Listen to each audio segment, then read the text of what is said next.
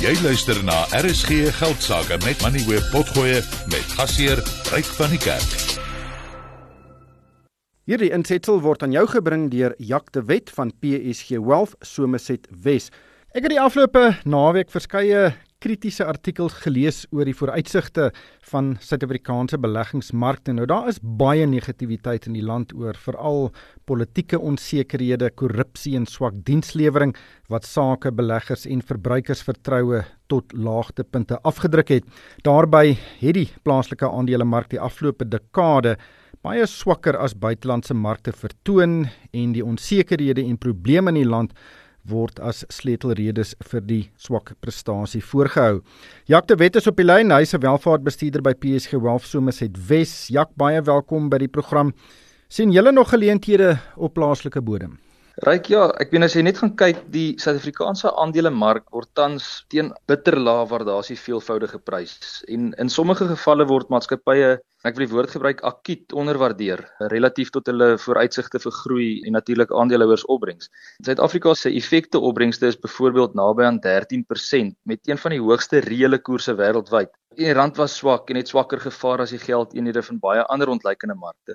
En soos jy nou genoem het, dis baie duidelik dat die plaaslike beleggingsomgewing glad nie sonder risiko's en beduidende gevare is nie en daarom is sorg en omsigtigheid nodig wanneer ons op tuisbodem belê. As ons wel ook kyk na die internasionale beleggingsprentjie, lyk dit ook maar of die donderwolke kolkol begin saamtrek. Om jou vraag te beantwoord, ryk, lyk dit vir ons of daar nou 'n baie baie oortuigende geleentheid bestaan om gesonde opbrengste op die Suid-Afrikaanse beleggingsmarkte te verdien en daarom gebruik ons die relatiewe swak prysomgewing wat nou heers om blootstelling aan Suid-Afrikaanse sekuriteite in ons portefeuilles te verhoog.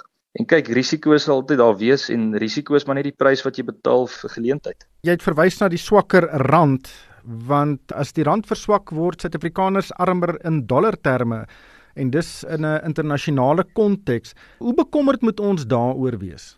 Dis 'n baie goeie punt. Ons moet egter kennis neem van die langtermyn Amerikaanse dollar siklus of tendense. En as ons kyk na die geskiedenis hiervan, kan ons natuurlik baie leer daaruit. Sedert die laat 1960s is die Amerikaanse dollar deur verskeie siklusse waarin dit nou of sterk of swak was. En hierdie siklusse reik het tipies etlike jare op 'n slag geduur. As ek kyk na die gemiddeld ongeveer so 10 jaar gemiddelde duur. En die siklusse het oor die algemeen saamgeval met groot inflasie en rentekoersiklusse ook. So die tydperke waarin die Amerikaanse dollar sterk is, bevoordeel gewoonlik Amerikaanse batepryse bo teen die res van die wêreld. En opkomende markte en kommoditeitsmarkte blyk veral sensitief te wees vir die sterkte of swakheid van die dollar. Ons is pas deur 'n besondere lang siklus van dollar sterkte. As jy net terugdink, dit het ongeveer begin hier in 2008, 2009 met daai finansiële krisis wat ons gehad het en ons is van mening dat dit nou op ons rug is. En ontleikende markte en Suid-Afrikaanse aandele het in die verlede nie goed gevaar tydens sterk Amerikaanse dollarperiodes nie. Jy het nou genoem van die swak rand, maar dit is grootliks maar 'n sterk dollar wat ons die laaste dekade of so gesien het. Ons sien egter ook beleggingsopbrengste in ontleikende markte insluitende Suid-Afrika baie goed is in tydperke van dollar swakheid. En die bewyse van die afgelope paar jaar dui daarop dat ons dalk nou in die vroeë stadiums van 'n afwaartse dollar siklus is waar die dollar kan verswak. En hierdie siklus kan natuurlik nou baie momentum kry en dan weer op sy beurt vir nog baie jare duur met uiters belangrike implikasies vir beleggers. Probleme skep geleenthede en in Suid-Afrika kan dinge vinnig verander kan hierdie probleem in positiewe geleenthede op die aandelemark omskep word. Jy het in jou inleiding nou verwys na 'n klomp faktore wat ons die wind van voorgee en individueel kan verbetering in hierdie faktore beslis voordelig wees, maar ek dink in kombinasie, met ander woorde as 'n paar van hulle op dieselfde tyd verbeter, kan dit selfs baie kragtig wees in 'n positiewe manier. So as ons net bietjie uitpak, eerstens sal hoë rentekoerse waarskynlik in die voorsienbare toekoms stabiliseer en daal. Daar word wyd oor berig en dit sal natuurlik plaaslike finansiële toestande verlig. En die huidige rentekoersiklus was absolute wind van voor vir die Suid-Afrikaanse ekonomie en ook beleggingswaardasies. Ons het dit gesien soos die ekonomie, maatskappye en ook verbruikers moes aanpas by hierdie hoogste rentekoerse, kom ons sê die afgelope 15 jaar of so. Terwyl rentekoerse deur die Amerikaanse Federale Reserve of die Fed se beleid beïnvloed word, is ons eie inflasie op tuisbodem redelik goed onder beheer en ek dink ons Reservebank doen 'n uitmuntende jobie daarvan om inflasie in te onder beheer te hou. En ons dink daar's 'n goeie kans dat rentekoerse later vanjaar tot vroeg in 2025 kan begin daal.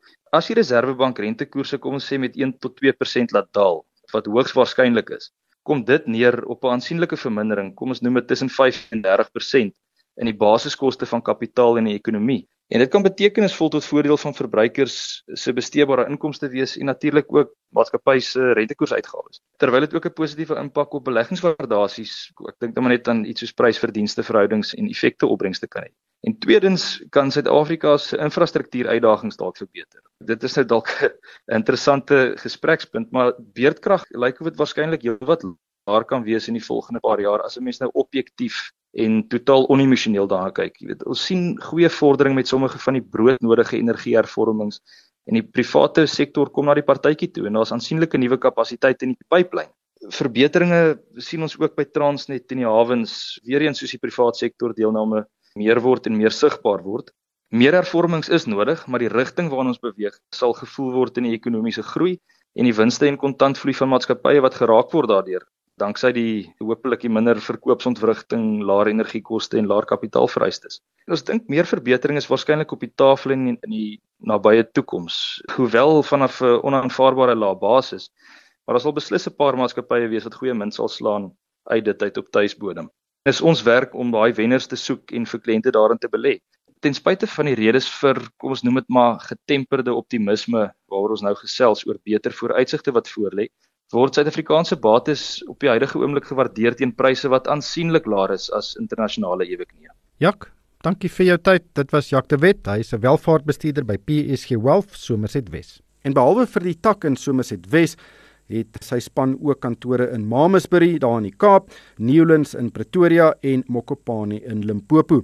Hy of sy vennote, Hein Havenga en Servaas Haasbroek, kan gekontak word by 021 851 3353 of stuur 'n e-pos aan jak.dw by psg.co.za. Dis jak j a c .dw by psg.co.za. Moenie op geluk staat maak om jou finansiële doelwitte te bereik nie. Jy het 'n weldeurdagte plan en kundige advies nodig om jou doelwitte te verwesenlik.